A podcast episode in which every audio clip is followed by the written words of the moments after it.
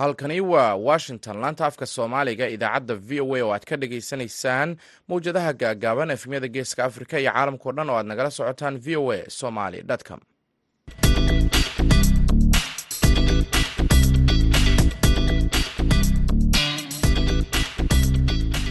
waa maalin axad ah bisha juulaay waa afar iyo labaatan sanadka labada kun iyo labaiyo labaatanka. Afrikada bari saacaddu waxay tilmaamaysaa kowda iyo barka duhurnimo. Idaacaddeenna duhurnimo ee barnaamijka dhallinyarada maantana waxaa idinla socodsiinaya anigoo ah maxamed bashiir cabdiraxmaan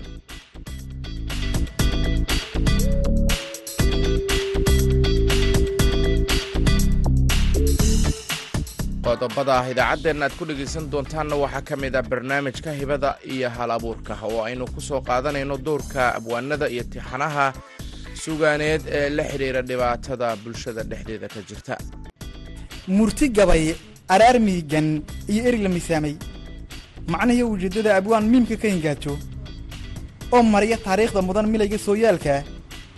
Madan lagu caweeyaya hadduu meedyaha geynin oo uu murtida kaydiyaa waa mashkilad weyn waxaad kaloo maqli doontaan falanqayn ku saabsan fursadaha soomaaliya ee bulshada bariga afrika iyo sidoo kale qaybihii kale ee suugaanta. Intaasi oo dhanse waxaa ka horeynaya warkii caalamka.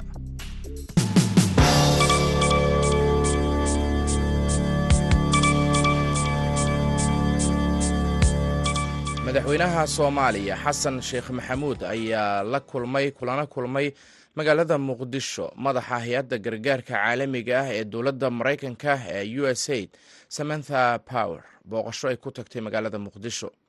Madaxweyne xasan sheekh maxamuud ayaa la wadaagay samantha power qorshayaasha hortebinta u leh dowladda soomaaliya ee dhinacyada waxsoo saarka kalluumaysiga xoolaha iyo beeraha iyadoo mudnaanta la siinayo sidii looga maarmi lahaa ku tiirsanaanta gargaarka bini'aadanimo looguna bedeli lahaa. Maalgashi dhaqaale oo horseeda horumar waara ayaa lagu yidhi war-saxaafadeed ka soo baxay madaxtooyada soomaaliya.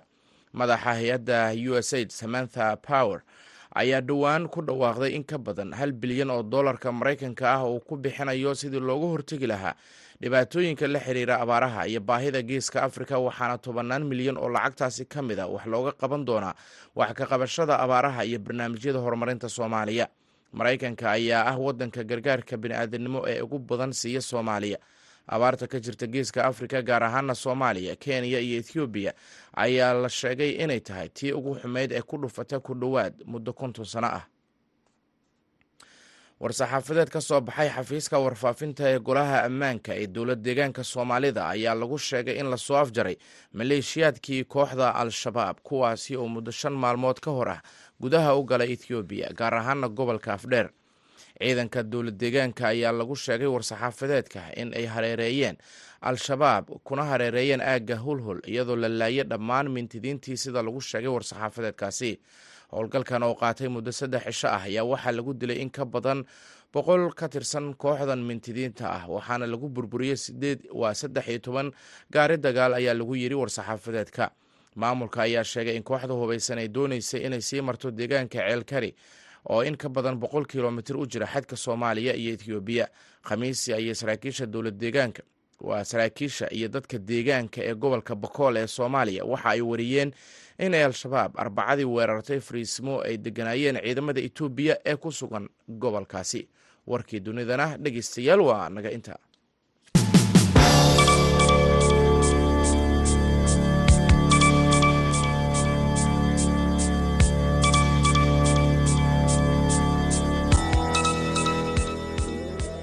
halka dhegeystayaal wararkaasi aad kala soconayseenna waa laanta afka soomaaliga ee v o a oo si toos ah idinkaga imaaneysa washington. Markana dhegeystayaal waxaad ku soo dhawaataan barnaamijkii hibada iyo hal abuurka oo toddobaadkan magaalada jabuuti ay noogu soo diyaarisay sagal siciid faarax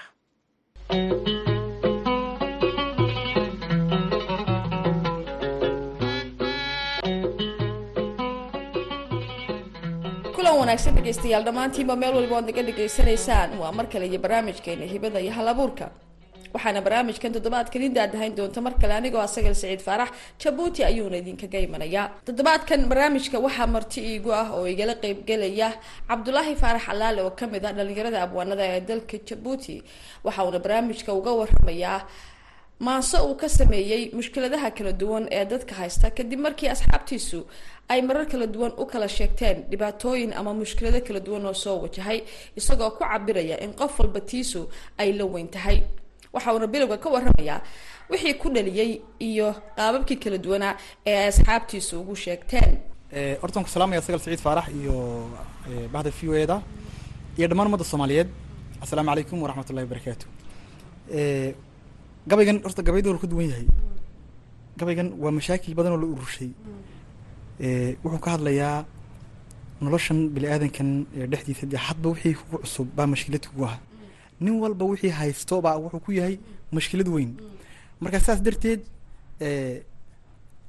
wuxuu ka hadlayaa mashk mashaakiladaas bini aadanka dhexdiisa ku dhaco. Waxaa tiri nin walba wixii asaga haystaa la la la la weyn. Waxay rabaan ha ahaadaan waxay rabaan hadan waxaad arkaysaa adigoo la yaaban mashaakilka ku haysto oo arkaysi aad nacam isku arkaysa inaad tacdi ku haysto inay wax walba ka weyn tahay. Waa waxaad arkaysaa mid tiisa la yaaban oo taadan wax u arkayn. Marka gabaygan wuxuu ka hadlayaa mashaakilada qayb ka mid a maaha intii o dhan laakiin qayb ka mid a baan ku soo koobnay bilowgii. Inkastoon jecelaha inaan sii biiriyo mashaakiladaas. Waxaad arki nin agtaadaas fadhiyo qayilayo oo iska faraxsanaa oo sheekays nacam birqaan fiican ku jiray baa telefon garaacay waa laga qaban waayo ku celin waa laga qaban waayo. Caaway bay ku daranta kuleeyahay masiibo qaran. War maxaa ku dhacay? Dee telefonkii bay ka qaban lahayd bay kuleeyahay ninkii oo iswada bedelay oo dhibaatadaas dhibaato kaga xun. Ma jirto xilliga waktigaasuu leeyahay maanta igu daran tahay waxay igu samaysay wax weyn. Mid kale waxaad arkaysaa meel intuu fadhiyo le war maanta dhibaataa igu dhacday maxaa dhacay? Halkaasay igu ballamisay gabadhi mayna imin mid kale waxaad arkaysaa geeri ku dhacday oo isagu laftigiisa iska de waa masiibo geerida ma la socotaa isaga laftigiisa isagu le mashaakilkii ugu weynaa maanta kugu dhacay. Mid isagoo shaqa tagay soo laama aqalkiisiyo gubtay ku soo laamaad arkaysaa oo le dhibaatada igu weyneyd maanta. Maanta ta igu dhacday haddaad iga gargaarayn wax dambe ood iga gargaari kartaa ma jiro. Jabuuti dadku waxay yidhahdeen waxa ka ahaa hayseen maanta igu darnayd. Maanta igu daray marka gabayga magaciisa waxa waa mashkilad weyn marxaladaha adduunyada ka dhaco. Hadba marxaladda aad taagan tahay ayaa kula weyn. Amba geeri hadday kugu dhacay taasaa kugu weyn maanta.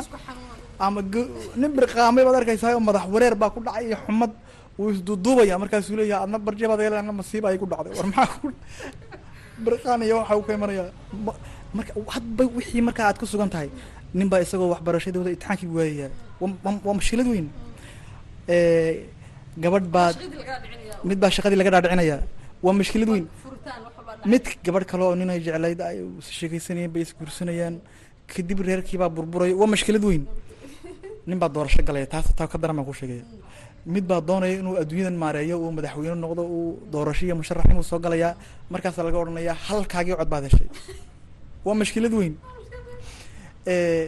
Marka gabaygan mashkilad weyn baa magaciisa markii ugu horeysa marka qalinkaa u qaadato maxaa kugu dheliyey erey wixii aad ama dadkaad ka dhex aragtay ma qof asxaabtaa kuu sheegay inaad qorto maxaa kugu dheliyey marka? Mise qudhaada wax kaa yimidi baa kugu dheliyay horta aniga laftigay markaa waxaa jira wiil aan wada shaqeyno oo mukhtaar la dhaho. Marka waxaa dhacday de gabayadan de iyo barnaamijyadan aad ku dhex jirtid.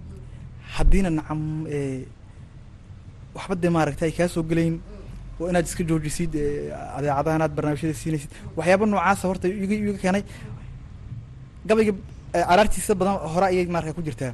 Midda kale isaga laftigiisu ninka wuxuu ahaa saaxiibkayhi nin dee iska maaragtay qalbi furan laakiin qalbi jilicsanaa.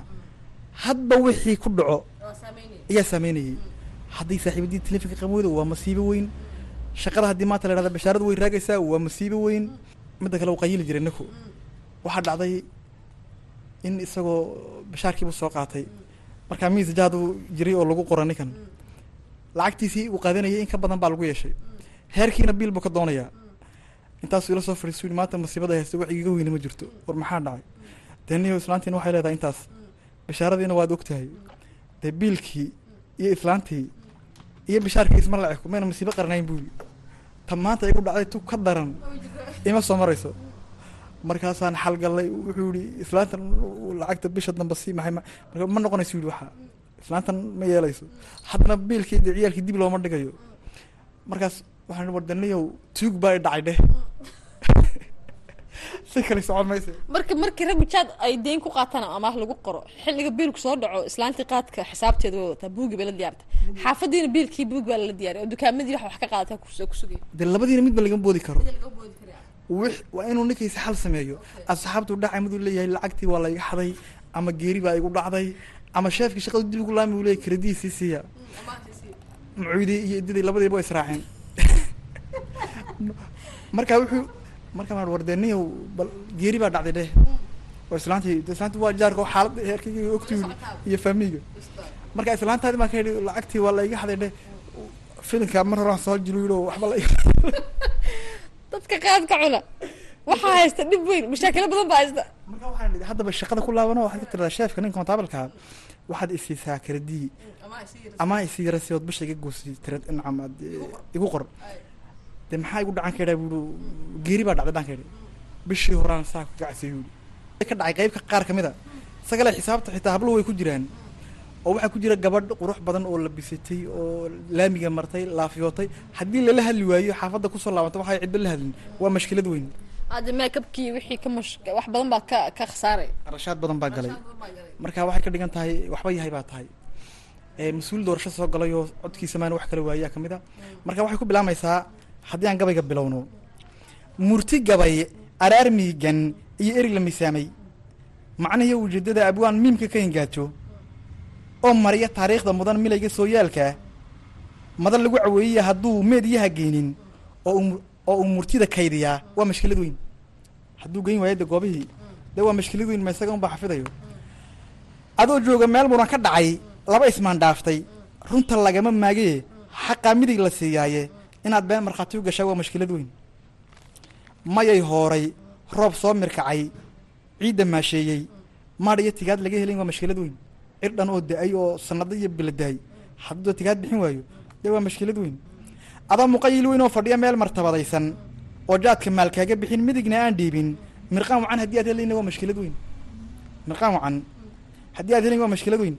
Munaasibad aroos iyo adoo meel camiran joogo munaasibad aroos iyo adoo meel camiran joogo miisigiyo heesaha adoo muxuba jaasaayo martisoorka adigoo fadhiya qaybta maamuusan hadday maradu kaa baylaadaa waa mashkilad weyn.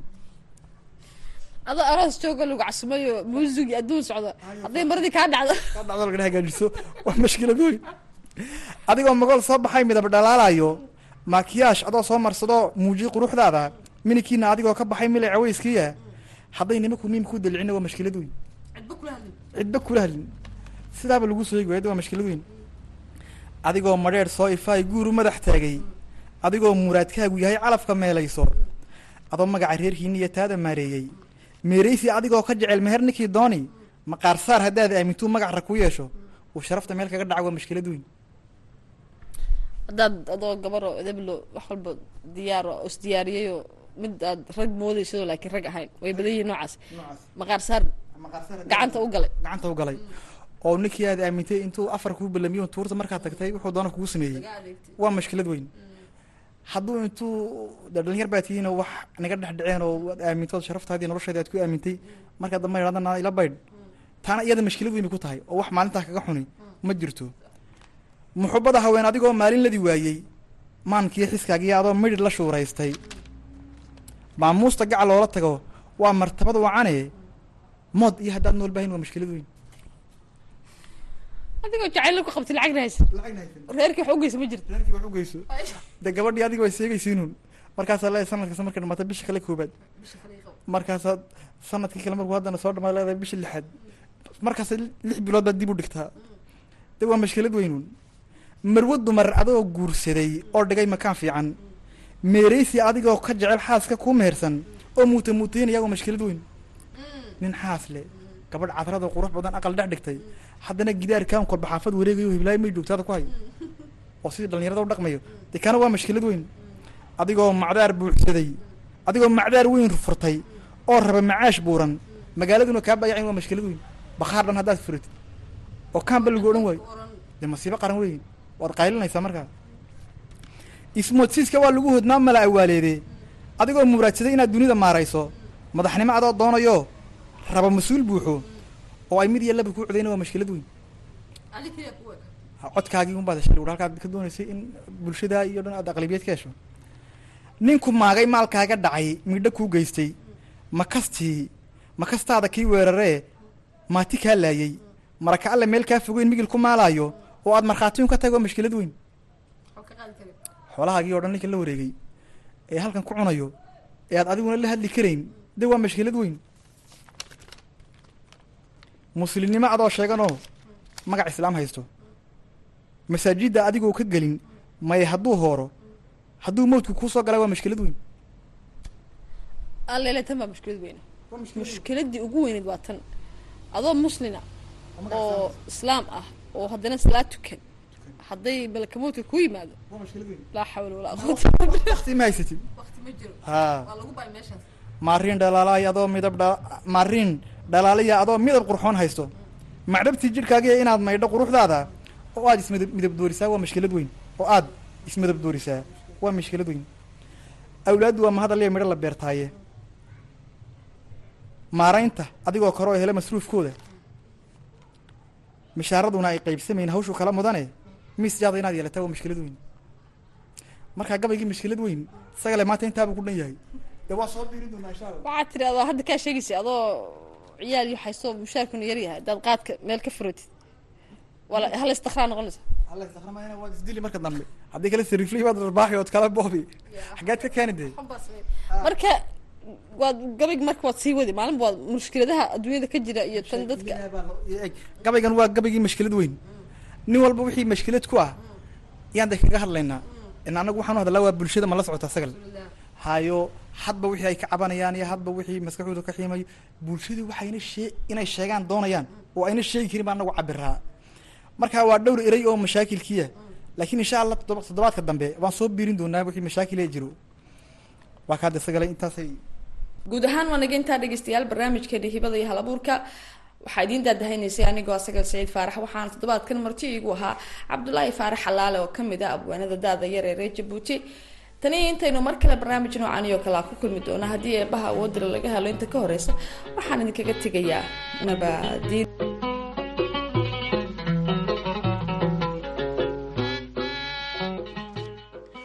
mahadsanid sagal siciid faarax oo barnaamijkaasi hibada iyo halabuurka magaalada jabuuti noogu soo diyaarisay. Halkaad nagala soconaysaana waa laanta afka soomaaliga ee v o a oo si toosa idinkaga imaaneysa washington. Shir madaxeedkii dalalka ku bahoobay dalladda iskaashiga iyo dhaqaalaha ee dalalka bariga afrika ee marka la soo gaabiyo loo yaqaano a e a c ayaa waxa uu ka socday magaalada caruusho ee dalka tanzaniya waxaana la soo gebagabeeyey jimciya iyadoo la isku raacay in la dedejiyo xaqiijinta iyo dabagalka codsi ay soomaaliya u gudbisay dalladan oo ay ku doonayso in ay ku biirto. Aqoon-yahanka geeska afrika ayaa sheegay in soomaaliya oo ka mid noqoto dalalka a a c ay muhiim u tahay wadamadaasi maadaama soomaaliya ay tahay wadan kheyraad badan leh islamarkaasina ay bulshooyinka bariga afrika wax badan ka faa'iidi karaan. Khadar maxamuud xareed ayaa warbixintan ka soo diray nairobi Dhowaan ayay ahayd markii madaxweynaha soomaaliya xasan sheekh maxamuud uu madaxda waddamada bariga afrika oo ku shirayay magaalada caruusha ee dalka tanzaniya uu u gudbiyey codsiga soomaaliya ee ku aadan sida ay soomaaliya u danaynayso inay ka mid noqoto dowladaha ku bahoobay waddamada e a c. Madaxweyne xasan sheekh maxamuud ayaa madaxda bariga afrika sidoo kale u gudbiyey dhaqaalaha iyo fursadaha dhanka bulshada ee yaalla soomaaliya waddamada ku bahoobay bulshada bariga afrika ayaa waxa ay ka kooban yihiin ilaa toddoba wadan iyadoo dhowaan ay ahayd markii wadanka d r c congo ay ka mid noqotay wadamadan. Faa'iidooyinka ay helayaan bulshooyinka ka soo jeeda wadamadan ku buhoobay waddamada bariga afrika ayaa waxaa ka mid ah inay si xor ah ay isaga kala safraan iyadoo aan wax aqoonsi ah aanan la isweydiinaynin iyo sidoo kale in ganacsiga uu si xor ah uu isaga kala goosho wadamadaasi haddaba maxay tahay muhiimadda ay soomaaliya ay u leedahay inay ka mid noqoto dowladaha bulshooyinka bariga afrika ee loo soo gaabiyo e a c? Su'aashaasi ayaan weydiiyey axmed maxamed mooge oo bartay arrimaha xiriirka caalamiga ah iyo diblomaasiyadda islamarkaana ka faalooda arrimaha bariga afrika. Isku imaadkan waxaa la dhahaa east african community waxaa la asaasay kun sagaal boqol lixdan iyo toddobadii waxaa caasimad u ah dalka tanzania khaasatan magaalada arusha. Waxaa hadda khaasatan waqtiga hadda aanu joogno madax u ah uhuru kenyatta ee ah madaxweynaha wadanka kenya. Ahamiyadda ay u leedahay wadanka soomaaliya waa mid madaxweynaha dalka soomaaliya uu soo bandhigay maalintii u dambeysay shirkii jamcaha dhacay uuna ku sheegay in soomaalida ay yihiin dad economist mise shaqaysto oo shaqokar ah jecel waana nabadda.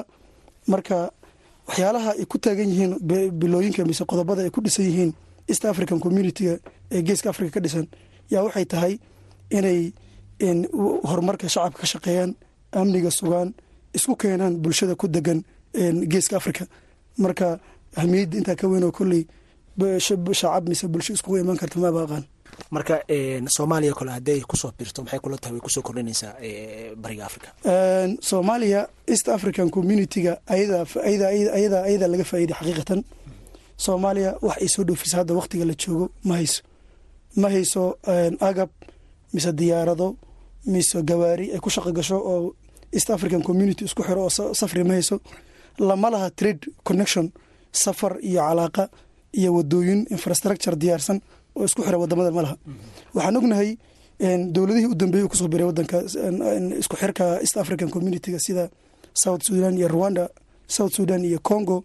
East africa waxay ka shaqeynaysaa in la dhiso wadooyin qaarnaba la dhisaybo.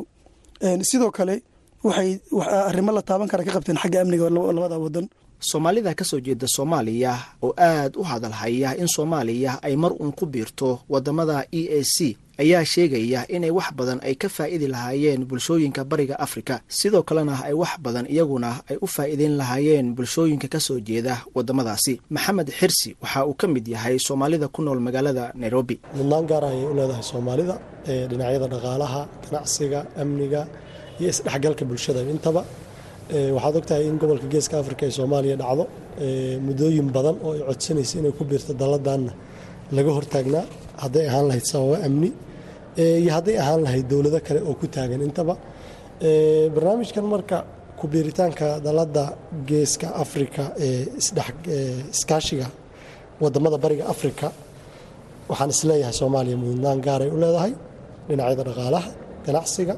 siyaasadda amniga iyo wax walba la xiriira arrimaha bulshada.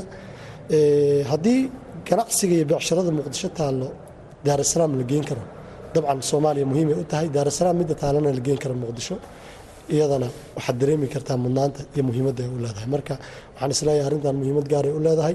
Soomaaliyana waa xilligii ay ku beeri lahayd dalladaas oo ay ugu mudnayd lama oga sida uu ku dhaqangeli doono codsiga soomaaliya ee ah inay ku biirto ururka bulshooyinka bariga afrika ee e a c. Khadar maxamuud xareed v o a nairobi. kaasina wuxuu ahaa wariyaha v o a khadar maxamuud xareed oo warbixintaasi nooga soo diray magaalada nairobi. Iminkana qodob ka mid ah wararka caalamka kuwa ugu doorka roon ruushka ayaa axadda maanta ah sheegay in gantaalihii lagu garaacay magaalada dekadda leh ee ukrain ee xudunta u ahayd heshiiskii dhoofinta qamadiga ee uu dhowaan la galay ukrain ay ku beegsadeen xarumo militari oo aagaasi ku yaalla madaxweynaha ukrain valadimir zelenski ayaa cambaareeyey weerarkii sabtida lagu qaaday dekadda magaalada odessa kaasi oo yimid maalin un kadib markii labada dhinac ay kala saxiixdeen in dib loo ambaqaado howlihii dhoofinta ay colaadu hakad ka gelisay turkiga oo garwadeen ka ahaa heshiiskaasi ayaa sheegay in kadib markii dekadda la beegsaday ay ka heleen ruushka xaqiijin ah in ciidamada ruushku aysan mas'uuliyad ama mas'uul ka ahayn weerarkaasi. Laakiin afhayeenka wasaaradda arrimaha dibadda ee ruushka ayaa u muuqday axadda maanta ah inuu dib uga laabtay diidmadii ruushka isaga oo sheegay in duqayntaasi ay ku burburiyeen markab dagaal oo ay lahayd ukrain zelenski ayaa sheegay in duqaynta odessa ay muujinayso in moscow aan lagu aamini karin in ay fuliso ballanteedii ahayd in ay dagaalkaasi ama aysan weerarin dekedaha waxaana uu sheegay in wadahadal lala galo moscow uu noqonayo mid aan haatan wixii ka dambeeya la sii wadi karin. Markana dhegeystayaal waxaynu u jalleecinaa dhinaca kaalmaha heesaha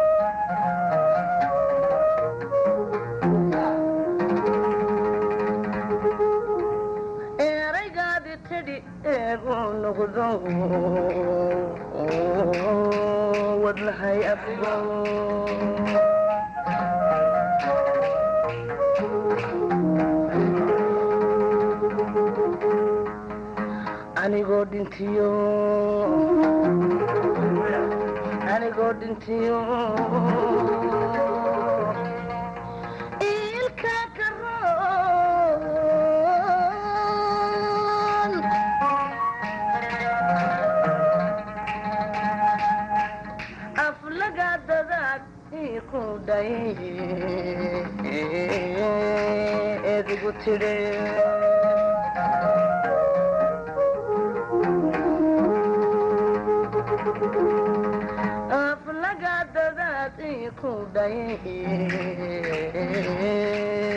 edigu tidhe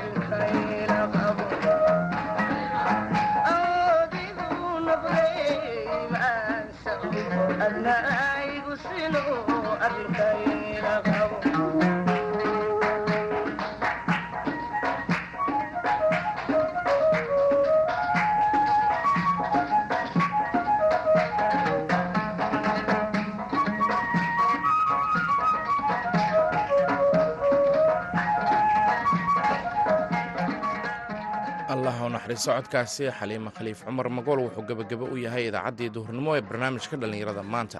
Tan iyo kulanti dambena waxaan idin leenahay nabadgelyo